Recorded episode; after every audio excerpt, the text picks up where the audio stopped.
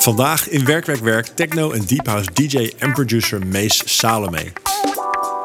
Op zijn zeventiende begon hij met het maken van elektronische muziek en een paar jaar later bracht hij zijn eerste EP uit. Sindsdien draait hij op feesten over de hele wereld en staat hij met zijn eigen concept Distant in uitverkochte zalen als de Marktkantine en Paradiso. Het leven van de DJ lijkt vooral uit feest en mooie reizen te bestaan, maar klopt dat beeld eigenlijk? Wat moet je er allemaal voor doen om bij de wereldtop te mogen horen? En wat zijn de schaduwkanten van dat bestaan?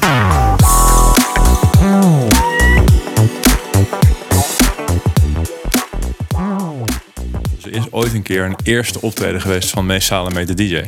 Ja. Weet je nog wanneer dat was? Oh, wanneer dat was. Ehm, de eerste keer dat ik ooit echt voor publiek heb gedraaid. Ik had wel eens iets gedaan voor het consultorium. Maar dat vond ik niet echt tellen. Was een soort eh, in de hal van binnenlopen bij een soort ja. dag voor dingen. Maar ik heb ooit gedraaid voor een nachtcollege. En dat was denk ik in 2015. Dus dat is het eerste feestje, zeg maar, waar je als Het eerste feestje waar ik echt gedraaid heb.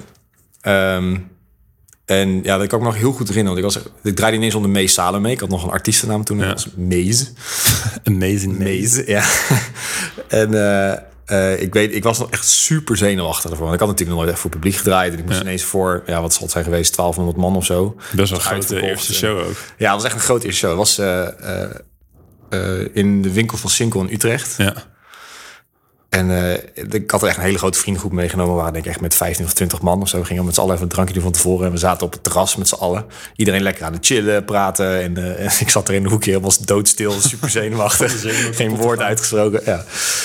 En eh, nou, die set gedraaid was echt super vet. Echt, eh, echt een highlight van, van mijn leven. En het luisteren terug was helemaal geen goede set. Maar op dat moment was het echt, echt episch. Ja, Nice. is echt lang geleden alweer. Ja. Je wil meteen de smaak te pakken dus. Ja, ja. Vet, vet, vet. Nice. En, en die zenuwen, is dat nu wat minder als je draait dan, eh, dan toen? Het is zeker minder dan toen. Toen was het wel echt heftig. Ja. Maar ik word nog steeds bij sommige shows echt wel zenuwachtig. Ja. Ja. En dat is dan eerder... Is niet zozeer dat ik dan zenuwachtig ben voor het spelen zelf... maar eerder dat je dan hoopt dat je het goed overneemt van de vorige... dat het niet raar is voor het publiek... of als je niet helemaal matcht met de andere artiesten... dat je er toch wel een beetje je draai in moet vinden. Het zijn eerder dat soort dingen waar je dan over na gaat Over hoe jij dan, eh, inpast in de, in de avond of zo. Precies, dat je toch wel je beste show en de beste overname wil doen. Ja. Ehm, maar minder, ik twijfel niet meer aan mijn eigen kunnen, zeg maar. Ja. Dat heb ik nu al wel... eh, Heb je ondertussen wel geleerd dat je dat kan? Ja. Ja, nice. En, en als je, zeg maar, toen had je je eerste show en op een gegeven moment, dan is het ook nog een beetje hobby, maar nu is het echt je werk natuurlijk. Ehm, als jij op, een, eh, op zo'n typisch Hollandse kringverjaardag eh, aankomt en iemands oud-tante zegt van, goh, wat doe jij eigenlijk? Wat, wat zeg je dan? Ja, goede vraag. Verschilt. Ik zeg aan de ene kant, zeg ik wel eens, ik ben DJ of ik ben producer. Maar ik kan het ook wel eens gewoon omschrijven als muzikant, Ja, eigenlijk. Omdat ik toch wel merk dat er een soort stigma hangt om het DJ zijn. ja, Terwijl, eh, kijk, ik, ik, zie, ik zie het eigenlijk altijd zo. Er zijn twee verschillende soorten DJ's in de, in de, in de DJ-wereld. ja, En de ene zijn, die, eh, zijn de mensen die daarin rollen omdat ze liefde hebben voor de feestjes. Eh, en de andere die rollen erin vanwege de liefde voor de muziek. ja, En de, de mensen die de feestjes doen, ja, die gaan gewoon zelf veel feesten. Die zijn er gewoon voor de feestjes. Die, die zijn niet per se muzikanten, die maken niet per se heel veel muziek, maar die kunnen gewoon heel goed draaien en die houden van het partyleven. En de anderen die maken die muziek zelf. Die hebben liefde voor muziek en, Ja. en doen het vanuit die kant. En ik ben, in mijn geval is dit vooral het tweede. Ik maakte de muziek en toen werd ik uiteindelijk, je moet een manier optreden, dus dan werd het als DJ zijn. ja, Dus het hangt er een beetje vanaf tegen wie ik dan eh, praat. Zeg maar. ja. En is dat ook, want je zei net voor mij ook al DJ en producer of producent. Is dat ook een beetje het verschil? Zeg maar van dat DJ's gaat meer om het, het onderdeel wat je live doet bij een feest, het draaien zelf. Ja. En producent of producer is eigenlijk meer de, de muzikant. Ja, eigenlijk wel. muziek echt maakt. Precies. Ja. En misschien voor, ook voor mensen die jouw muziek, als we het daarover hebben, echt nog helemaal niet kennen en jou helemaal niet kennen. Maar wat voor muziek maakt mee samen mee? Ik maak eh, progressive house. Eh, en soms een beetje melodische techno, zou je het kunnen noemen. Ehm, maar het is echt de melodische kant, de emotionele kant van de dancemuziek. Eigenlijk. Een beetje de vrolijkere, emotionelere kant.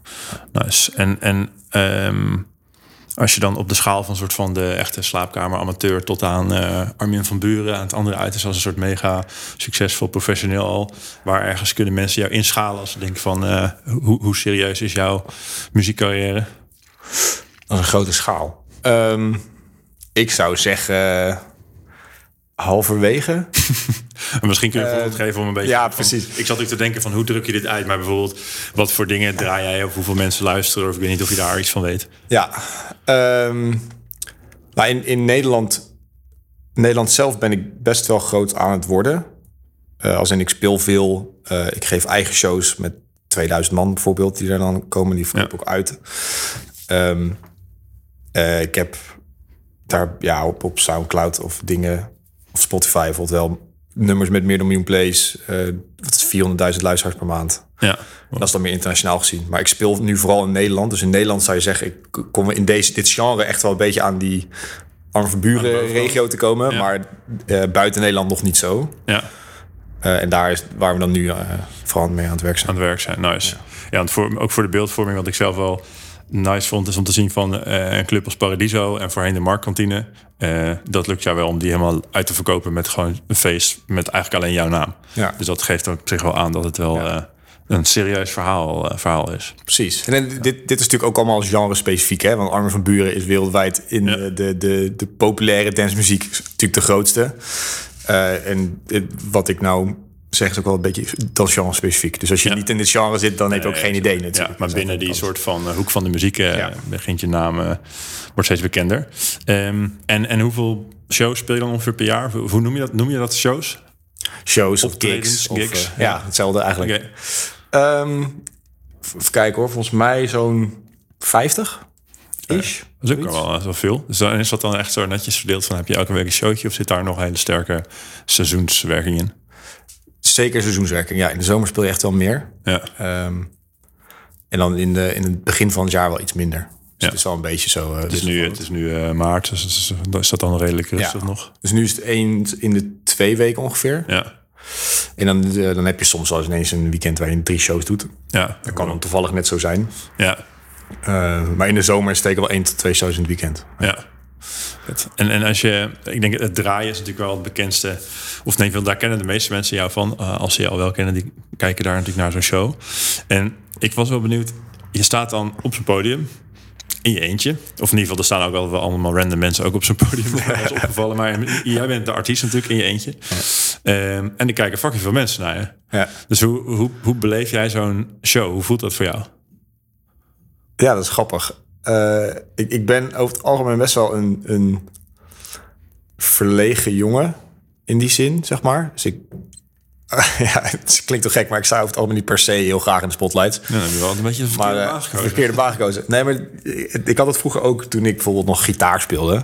Ja. Is dat je heel goed kon schuilen achter hetgene wat je deed. Dus Ja. je- in, in dit geval met gitaarspelen zit je echt je gitaar te spelen. Achter je Kijk je een instrument. zo achter, Ja. achter je instrument.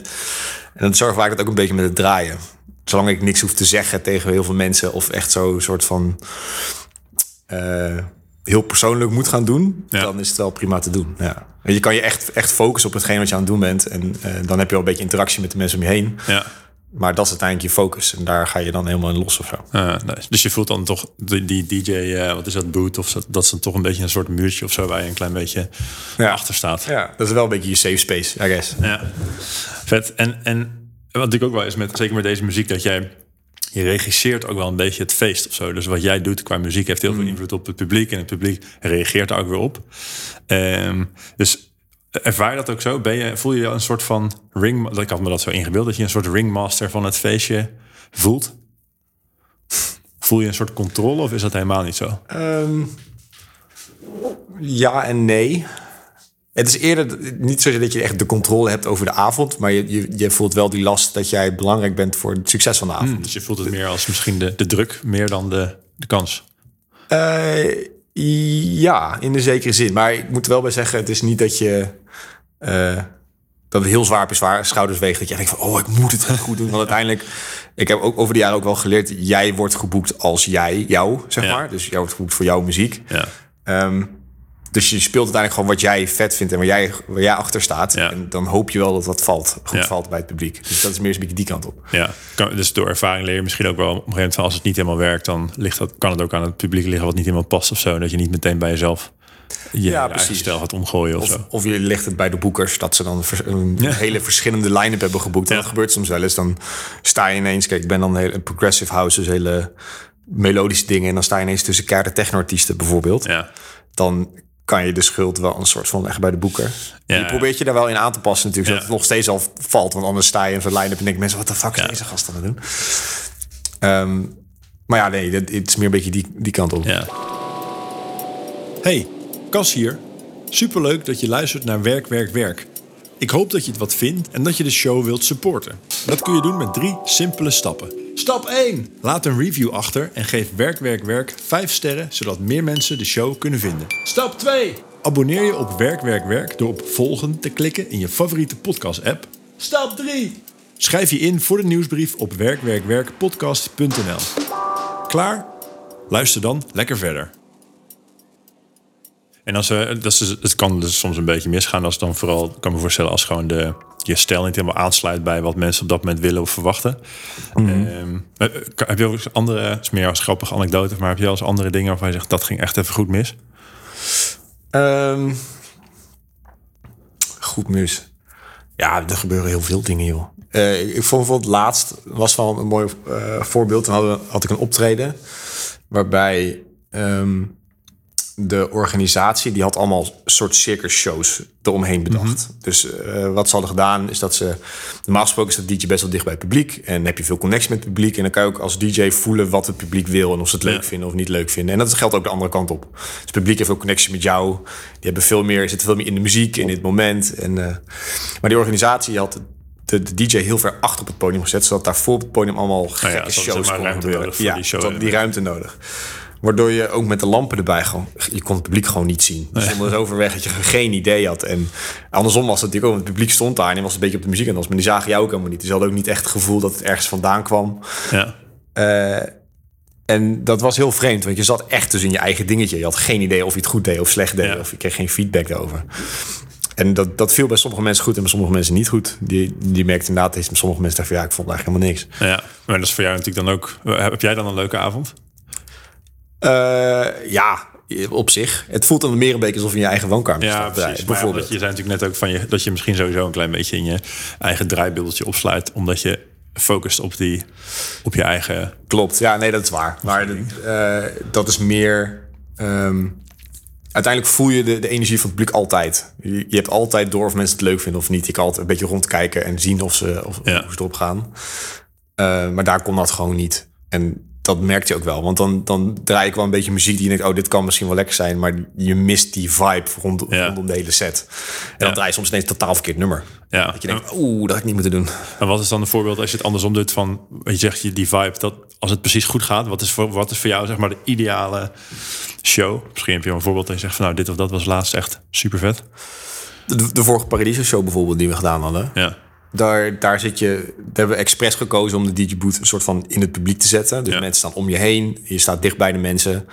Je hebt contact met alle mensen. En dat merk je, want op een gegeven moment komt het in zo'n soort flow waarin de nummers kloppen. Uh, het bouwt zich op. Het publiek gaat er lekker in mee. Want dat is uiteindelijk ook waar ik denk dat in, in deze muziek de, het echte sterke punt ligt. Is dat je mensen mee kan nemen in die hele show.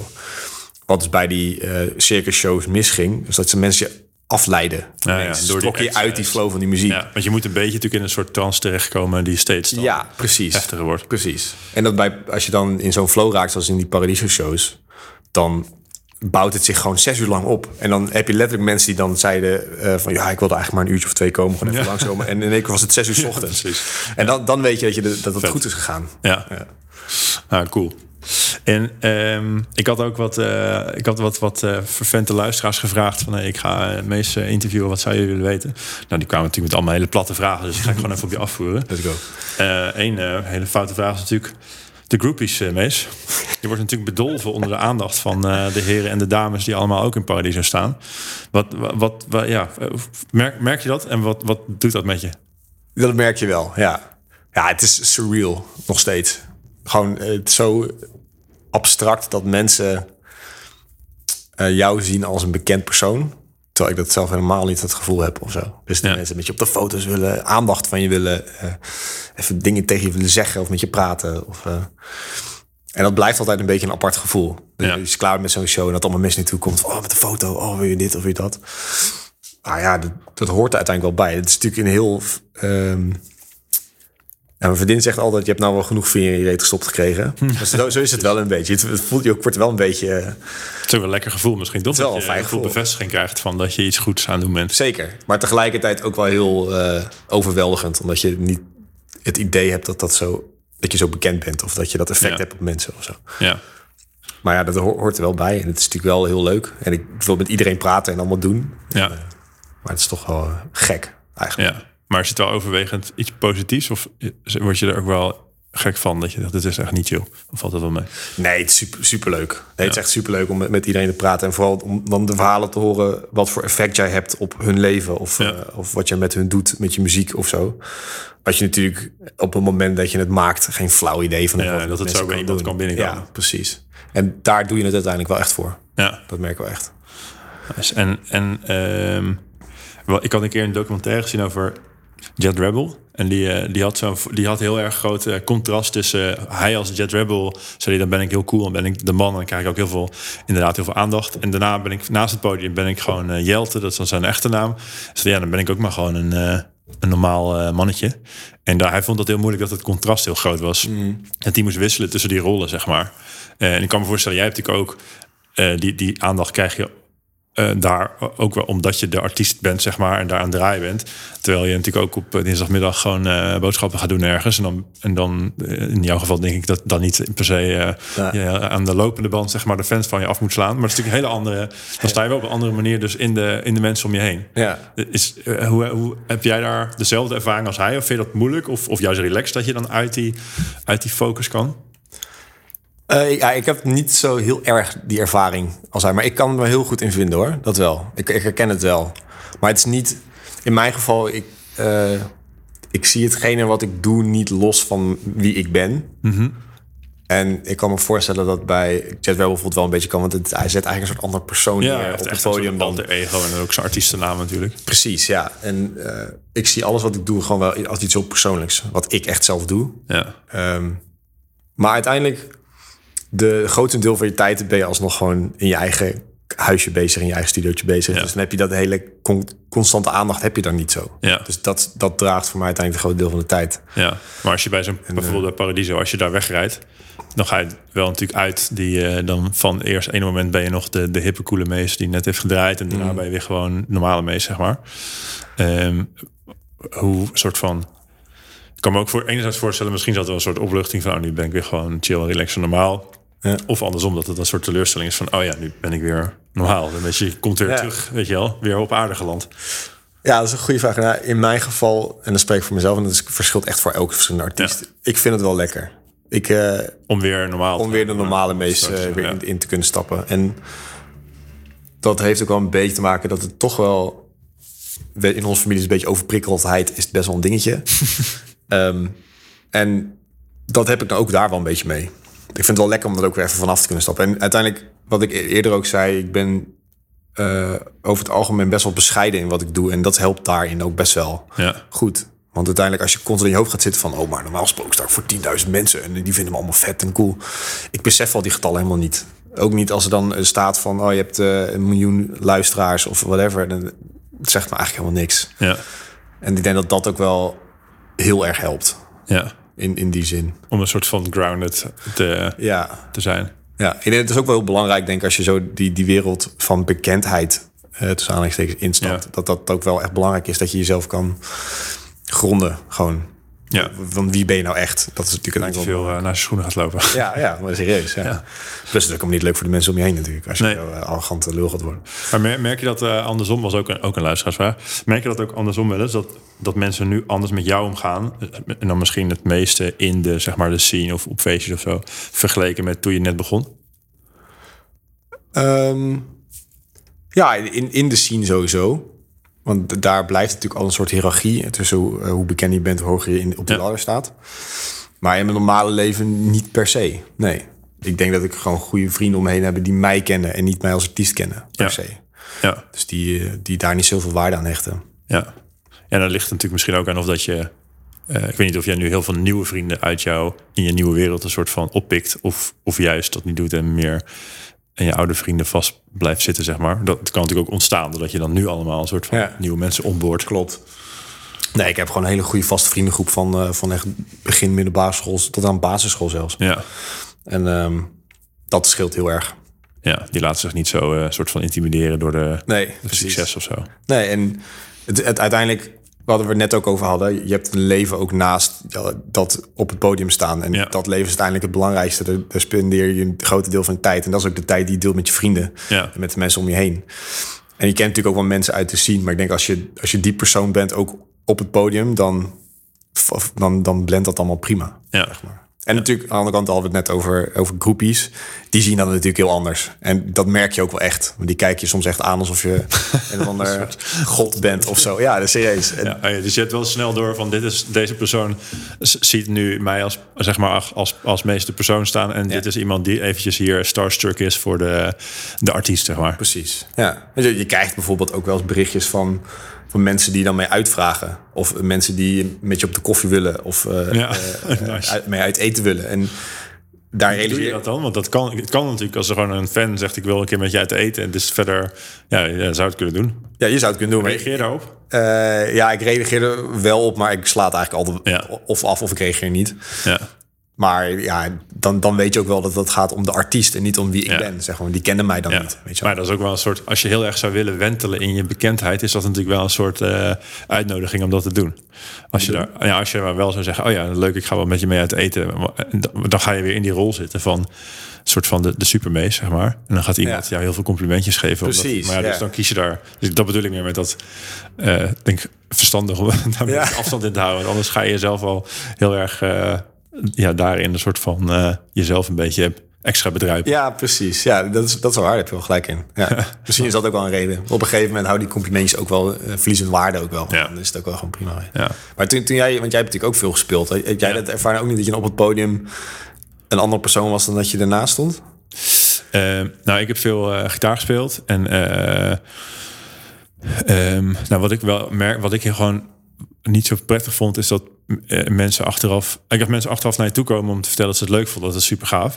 Maar wat ik niet zo fijn vond, als je heel erg merkte van, oh, ze, ze zijn niet echt in mij geïnteresseerd, maar gewoon in cool met, met iemand uit de band praten of zo. Dus Ja. dan was Ja, iemand precies. die, eh, dan kwam iemand naar je toe en die zei dan, ja, super vet. welk instrument speelde jij eigenlijk? En denk je, ik heb er net twee uur staan doen. heb dat blijkbaar niet gezien? Nou, dan was ik al snel, Ja. eh, snel uitgepraat. Ja. Maar je voelde ook wel dat verschil waarschijnlijk toch tussen mensen die geïnteresseerd in waren omdat je op het podium hebt Ja. gestaan dan mensen waar je gewoon serieus mee... eh, Jawel, zeker. Dus dat is wel zo. Maar, maar soms is het, ik bedoel, eh, het is ook wel vlijend als iemand geïnteresseerd in je is. Ook al, en soms denk je wel van ja, misschien ben je wel meer geïnteresseerd in eh, de artiest of zo. Maar ja, goed, ik vind het ook wel leuk dat je nu met me praat. Dus dan vind ik het even niet zo erg of zo. En daar zit natuurlijk een soort glijdende schaal. Als je daar heel erg voor Ja. open staat, kan ik me voorstellen dat dat wel spannender wordt. ja. Lastiger. Ja, het zijn wel vaak van die hele oppervlakkige gesprekken. Ja. Dat, eh, Maar er komt misschien ook wel in de, in de, de, de scene waar jij in draait, wordt ook best wel veel drugs gebruikt. Hmm. Dus ik weet niet of dat voor iedereen geldt die daar is, maar veel misschien van het publiek staat ook best wel aan eh, vanwege het gebruik, zeg maar. Ja. Dus heb je dat niet ook soms door dat je denkt van hier is iemand, hier is een potje pillen met mij aan het praten? dan maakt de gesprekken nog oppervlakkiger. ja, precies, ja. Ja, nee, dat is gewoon heel grappig. Maar ik vind die gesprekken gewoon heel komisch, omdat eh, die mensen die met jou gaan praten, die kennen jou. Je hebt geen idee wie zij zijn. Dus je krijgt een soort mismatch in Nou ja, een soort een heel eh, rare verhouding in dat gesprek. ja, een soort asymmetrische Ja. gesprek. Soms krijg je zelfs mensen die jou gaan vertellen wat je allemaal gedaan hebt de afgelopen weken. Dat je denkt van, wow, ja, oké, weet je, het die staat, op, staat op social media. Ah. Ja, dan gaan ze vertellen over de dingen die jij gedaan hebt afgelopen Omdat het op social media gestaan heeft. En zo oh, vet dat je dat hebt gedaan. Of leuk dat je daar bent geweest. En hoe was Ja. dat? En, terwijl jij geen idee hebt wie die Ja, andere persoon dat is ook wel een beetje, eh, het kan ook een beetje scary zijn. Je weet wel heel veel van mij. Precies, ja. Soms is dat gewoon heel, heel desoriënterend gewoon. Ja. Dat je, ja, goed. het, zijn gewoon, het zijn wel hele komische... Ik, het klinkt allemaal super negatief hoor, maar dat is het eigenlijk Ja. helemaal niet. Maar het is gewoon heel grappig hoe dat... Wat voor verschil dat maakt. Ja. eh, met wat voor... Wat een insteek is van mensen om met je te gaan praten. Ja, ja. Nou, en ook wel prettig dat je daar een beetje een radar voor hebt, toch? Want dan ga je ook minder snel, denk ik, de, stop je minder snel een soort valko in. Dat je daardoor een verkeerd beeld van iemand krijgt. Hmm. En de, de, de laatste luisteraarsvraag, luisteraarsvraag die ging eh, over drugs. Hadden we het net heel even over. Ehm, want in de dance en techno is dat best wel een groot ding. Eh, Beïnvloedt dat ook jouw werk? Of, of hoe kijk jij zelf naar de rol van drugs in die hele scene? Ehm, ja, ja, het is inderdaad gewoon een heel belangrijk deel van de hele wereld. Ehm, het blijft uiteindelijk... De, de, de club scene blijft uiteindelijk een wereld... waarin mensen ontsnappen aan hun dagelijks leven. Dat is Ja. eigenlijk wat, wat daar gebeurt. En daar hoort drugs uiteindelijk gewoon wel bij. Ehm, en het is voor iedereen persoonlijk hoeveel, wat of wanneer ze gebruiken. Ja, Ehm, ja, ik heb dat zelf ook gedaan voordat ik de wereld als professional instapte, zeg Ja. maar. Ehm, zo ben ik in aanraking gekomen met die wereld. En ja, ik, ik snap het wel goed. Ik ben er zelf op een gegeven moment wel gewoon best wel snel mee gestopt. Oh, en ik doe het ook sinds dat moment ook nooit meer. Ook niet, ook zeker niet als ik ga spelen of draaien. nee, dus je draait mij- nooit onder... eh, Nee. ja, misschien dat je een biertje drinkt, maar Precies, een biertje, misschien twee biertjes. En houdt ook wel een beetje op. Ja. Ik zie het ook wel als professional. Ja. professioneel. Je zal ook binnen de scene ook wel professionals hebben die waarschijnlijk daar iets anders eh, over denken. 100%. Ja, ik heb ook genoeg bij optredens gestaan waar de, de DJ's zo lam waren of zo, eh, zo, zo lijp ging dat ze eigenlijk niet meer konden spelen. Of Ja. gekke dingen door de microfoon gingen staan roepen. Of ja, die zijn er altijd. En dat, dat, ja, daar ben ik niet van. Ik zie Ja. het gewoon echt als werk. En eh, ik vind dat het belangrijk is om mijn best te doen. Ehm, maar ja, nee, goed, het hoort er wel bij. Het is voor iedereen wat ze er zelf van maken. Ja, maar jij vindt het ook niet, eh of zeg je dat, vervelend? Of, of ik weet niet of je het verschil merkt met, met het publiek... dat de ene keer dat meer is dan de andere keer. Dat mensen nog meer af zijn dan... eh, Nee, ik vind, ik vind dat niet vervelend. Nee. De, de gesprekken worden soms raar. maar ja. nee, ik vind dat niet vervelend. Het, het was eerst wel, vooral omdat ik het eerst ook zelf deed en toen mee stopte en toen wel in- vanaf de andere kant heel erg ermee te maken kreeg, was dat wel een beetje apart. Maar ik heb, ben ook wel gewoon mee leren leven. ja, het is ook een beetje de realiteit natuurlijk van, Ja. eh, van jouw werk. Ja. Nou, interessant. En laten we dan ook een beetje uitzoomen om juist ook eh, de rest van dat leven, wat meer al het DJ-leven, zeg maar, en producer-leven te bespreken. Want ik, ik was sowieso benieuwd hoe je eigenlijk begonnen bent met. We hebben net al gehad over jouw eerste show. Eh, dat was best wel serieus meteen. Ja. Eh, maar ik kan me voorstellen dat je al wat eerder bent begonnen met gewoon überhaupt een beetje eh, liedjes maken, muziek maken. Maar wat, wat is jouw eerste, wat zijn je eerste stapjes in de elektronische muziek geweest? In de elektronische muziek. Ik was, denk ik, een jaar of 17 toen ik voor het eerst FL Studio heb gedownload. Nice. Fruity Loops. Fruity Loops, ja. Ehm, mijn broer die, die, die deed dat eigenlijk al wel een tijdje. En Ja. ik heb hem altijd, altijd zien doen. En ik had iets van, wow, dat ziet er echt zo vet uit. En we hadden al een soort van Magic Music Maker programmaatje op de computer staan of zo. Waar je dan een beetje basic dingen mee kon doen. En dat deed ik echt al van kinds af aan. Eh, dus toen dacht ik, laat het gewoon serieus een keer proberen. En toen eh, ben ik daar eigenlijk gewoon maar aan begonnen. Heb ik twee jaar aan gewerkt en toen ging ik naar het consultorium voor creative producing in Rotterdam. Ehm, daar heb ik toen twee jaar gezeten. En eh, daar ben ik toen gestopt. En toen, ja, vanaf daar ben ik het gewoon allemaal zelf gaan doen eigenlijk. Ja. En waarom was je gestopt eigenlijk met die opleiding, met die muziekopleiding? Ehm, omdat, omdat ik nooit het gevoel had dat ik ooit iets professioneels ging doen met muziek. En ik deed het gewoon als hobby. En eh, dus toen, eh, na twee jaar had ik daar gewoon heel veel geleerd. Maar daarna kreeg je profielontwikkelingen. Dus dan ging je echt meer werken aan wie ben jij als Ja. artiest. Eigenlijk juist aan de professionalisering. Juist aan het professionaliseren ervan. Maar ik had dat nooit. eh, Het was ook helemaal niet mijn bedoeling. Ja. dat is meer een hobby nog. Precies, was echt een hobby. Toen ben ik daar gestopt om eh, wel een serieuze baan te gaan zoeken. Ja. Ehm, ja, dus dat was eigenlijk de reden. En ik voelde me daar ook niet helemaal thuis. Want ik maakte ook andere muziek dan dat ik nu doe. Ik denk dat dat ook wel een beetje vreemd was. Want je voelt toch wel die competitiecultuur daar. Je moet toch wel iets speciaals of iets vets brengen. Eh, en dan, ja, dit soort muziek, voor to the floor... werd al een beetje op neergekeken of zo voelde het al. ja, dat betekent gewoon een hele, een hele, voor muzikanten gezien, een hele basic beat. Ja, precies. Ehm, dus dat allemaal bij elkaar. En ik vond ook niet helemaal mijn plek in Rotterdam. Ik had niet heel veel vrienden daar of mensen waar ik mee omging. En dat allemaal bij elkaar was een beetje zoiets van... Ja, misschien is het gewoon voor mij. eh. Ja, maar het was wel een hele vreemde stap. Want ik was... Ik, ik maak echt muziek sinds dat ik vijf jaar oud ben of zo. Om te stoppen met iets waar je dan denkt van... Ja, wat moet ik dan doen? Want dit is mijn Ja. passie in mijn leven. Wat ga ik dan met mijn leven doen? Of, Ja. Daar had ik nog niet helemaal over nagedacht. Maar dat was wel gewoon heel, eh, heel gek. Ik weet nog dat ik aan tafel zat met mijn ouders. Waarbij ehm, dat uiteindelijk een beetje de conclusie werd. En dat ik huilend aan tafel zat. En gewoon, de- wat moet ik dan doen met mijn leven? Ja. En dat mijn ouders zo vroegen, ja, wat zie je jezelf dan doen later? Dan zei ik, ja, het enige wat ik mezelf zie doen is DJ zijn. Want dat is gewoon wat ik wil doen. Is het enige wat ik mezelf zie doen of wil doen. En toen ben ik eh, ICT gaan studeren. Zei, dat wil ik, maar ik ga wat anders. ja. Oké, Dat was toch die bescheidenheid, omdat ik gewoon niet het gevoel had dat ik goed genoeg zou zijn ooit Ja. om dat professioneel te kunnen doen. En wat is er dan veranderd in de tussentijd? Hoe heb je dan die stap wel gemaakt? Van, want toen was het dus nog steeds hobby, maar nu professioneel. Dus ergens is er Ja. iets veranderd. Ja, ik, ik ben eigenlijk gewoon een beetje bij de hand genomen door een andere grote artiest die, eh, die mij gewoon een beetje gepusht heeft. En dat is, ja, daar ben ik gewoon een beetje in meegegaan. Dat is eigenlijk wat er gebeurd is. Want die had wel jouw muziek dan al ergens gehoord of zo. Ja, ja via een vriend van mij, die had, die, eh, die had mijn muziek doorgestuurd. En die, eh, Ja. die had toen feedback gegeven. En uh, Wie, kun je, is dat... Reinier Zonneveld was Ah, ja. dat. Een hele grote techno-artiest. Ja. Ehm, ja, dus die, die gaf feedback. En eh, toen ben ik zo met hem in contact geweest. En die is uiteindelijk Ah, zo gezegd van... Oh, je kan dit doen, dat doen. Over een jaar ga ik een label releasen. Of een half jaar. Ik wil dit wel voor je uitbrengen. Als Ja. een van de eerste releases op mijn label. En zo is dat eigenlijk gegaan. Dus het was ook niet de bedoeling. Het kwam een soort van... Ja. Heel organisch is dat een soort van... Nice, want dat is natuurlijk vaak het, bij al dit. Het, ik denk dat er heel veel mensen zijn die eh, als amateur muziek maken en die eigenlijk daar wel van dromen. Maar vaak is het natuurlijk, ik kan me voorstellen, als je eenmaal bezig bent en je hebt wat shows en, je, en er draait wat, dan komt van het een wat ander. Maar het is natuurlijk het beginnetje is vaak eventjes Ja. Zoeken. Maar dat kwam bij jou dus eigenlijk door best wel een soort informeel contact met zo'n artiest. Ja. Die toen, nou, en, en toen begon het van het een van het ander kwam verhaal, zeg maar. Precies, ja. ja dus ik, ik heb echt een makkelijke weg gehad. En ik krijg heel vaak de vraag van... eh mijn enige droom is echt bekend worden, groot artiest worden. En hoe moet ik het doen? Wat is de Ja. stap? Maar ik Mijn volgende vraag op het lijstje is dat. Gaan we, gaan we zo. Nee, maar dat, dat is dus heel, heel lastig. Want ik heb dat een soort van mogen overslaan.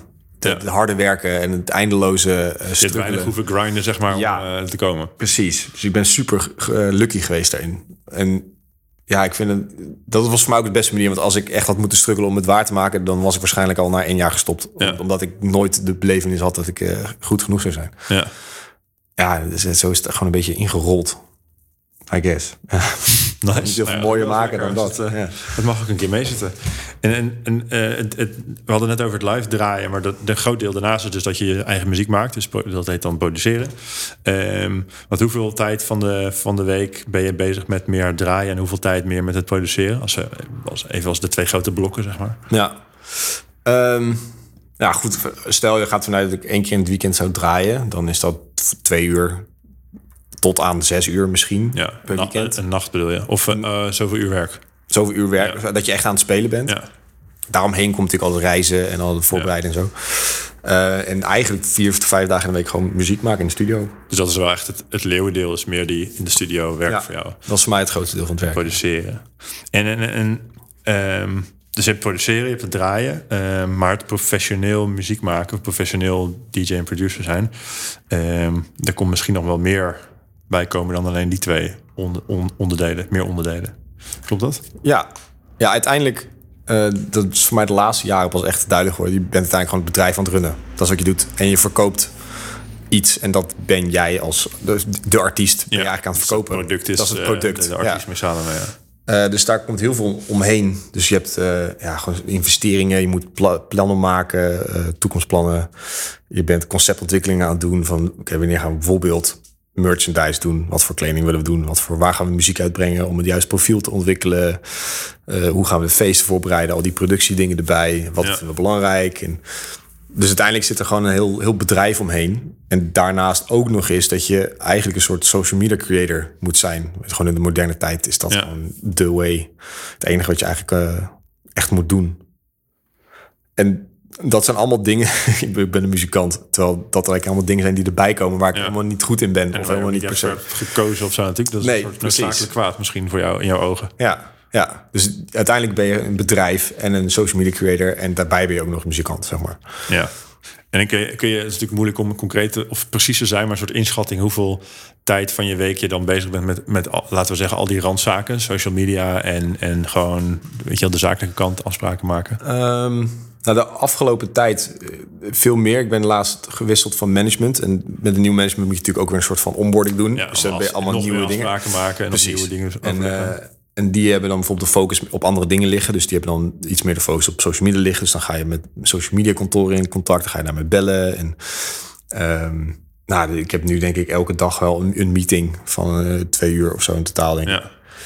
Gaat dan bijvoorbeeld over het lichtplan wat je wil hebben in Paradiso. En, en wat voor lasershow en wat voor. eh, hoe duur ga je de kaartjes maken? Hoeveel ga je ervan verkopen? En Ja. eh, wanneer ga je die show doen of dat show doen? Uiteindelijk is dat nu op dit moment even wel een grotendeel van mijn tijd. Ja. Ik heb, eh, ik heb nu ook even geen studioruimte, dus dan scheelt het ook. We zitten thuis, dus dan ben je uiteindelijk alleen maar met dat soort dingen bezig. Ja. Dus ja, op dit moment is dat denk ik echt wel zeker de helft van de tijd Ja. ben ik daarmee bezig. Ja. Wel een serieus, toch wel een serieuze, in ieder geval part-time job nu om dat vanuit jou te regelen. En naast wat jij zelf doet, heb je dus ook nog management. Dus de mensen bij dat managementkantoor zijn ook nog, zijn ook nog tijd aan besteden aan, eh, aan jouw product, zeg Ja. maar. Ja. En wa- wat doen die allemaal? Of een beetje in samenvatting? Wel, welk deel van die puzzel zeg maar, pakken zij op en wat moet je zelf doen? Ehm, je, de ene kant is dan bijvoorbeeld de adviserende rol, dus een meer soort eh, de, de board van het bedrijf. Ja. Waarin je dus met hun gaat brainstormen en kijken wat, wat zijn de volgende stappen die we gaan maken. En dan pakken zij ook vaak die uitvoerende rol op zich. Dus dan ehm, ga je met hun in de bespreking, oké, we willen dan daar een show doen en met dit soort lichtmannen. Oké, ik ga de lichtman even mailen, ik ga dat even regelen en dat regelen. Dus dat is wat wij dan gelukkig Ja. Dus uiteindelijk blijft het creatieve proces voor mij over in die Ja. zekere zin. En dan pakken zij zich heel erg op de uitvoerende taken en de mailtjes en contacten en, en allemaal dat soort dingen. Chill. Dus, dus de meer operationele dingen dan wel zoveel mogelijk bij hun Ja, te, te leggen en te laten. ja. Ja, want ik kan me voorstellen dat het anders ook wel in de weg gaat zitten van jou. Ja, je, je bent inderdaad gaan doen omdat je muziek wil maken en vanwege het creatieve proces. Het is natuurlijk makkelijk om dat steeds meer uit je agenda te knippen, omdat er allemaal urgente operationele dingetjes zijn. Precies, ja, dat is uiteindelijk het doel ervan. En daarbij komt ook heel erg kijken dat ehm, de, de hele muziekwereld blijft één grote vriendjespolitiek eigenlijk. Dus wanneer jij goed valt bij mensen, dan word je bijvoorbeeld eerder geboekt. Ja, En om dat, om dat zo te houden, heb je bijvoorbeeld de management die dan contact met iedereen heeft. Dus zodat jij niet degene dus bent die... hun netwerk is dan super belangrijk. Ja, dat ook zeker. En, maar ook dat zij de onderhandelingen gaan doen. Bijvoorbeeld over eh, de, de, de fees, maar ook over de dingen die geregeld gaan worden. omdat iemand dan een hekel aan jou krijgt, maar alleen je manager. Precies. Ja, en dan ben jij de aardige guy die daar Ja, op, op, de avond zelf staat. En dan leuk met die mensen kan gaan doen. en Ja, dan, die staan dan als met iets- jou te praten. Precies. Als iets aan de hand is, dan eh, is Ja. dat voor je management. ah ja, daar heb ik nooit over nagedacht, maar dat is op zich eh, klinkt ook wel logisch. Ja, Als je die rol op die manier verdeelt. precies. En dat zorgt ook, neemt ook heel veel zorgen weg. En dan kan je uiteindelijk je creatieve proces natuurlijk zo vrij loop laten. Dit was Werk, Werk, Werk voor deze week, maar niet getreurd. Het gesprek met Mees is namelijk nog lang niet afgelopen. Volgende week verschijnt daarom de tweede helft van ons gesprek, dus abonneer je zeker op Werk, Werk, Werk om dat niet te missen. Ik ga het dan met Mees nog hebben over de financiële kant van zijn werk, hoe hij de toekomst voor zich ziet en hoe hij zorgt dat hij fysiek en mentaal gezond blijft in een wereld van feest, drank, drugs en geld. Dus bedankt voor het luisteren en tot volgende week.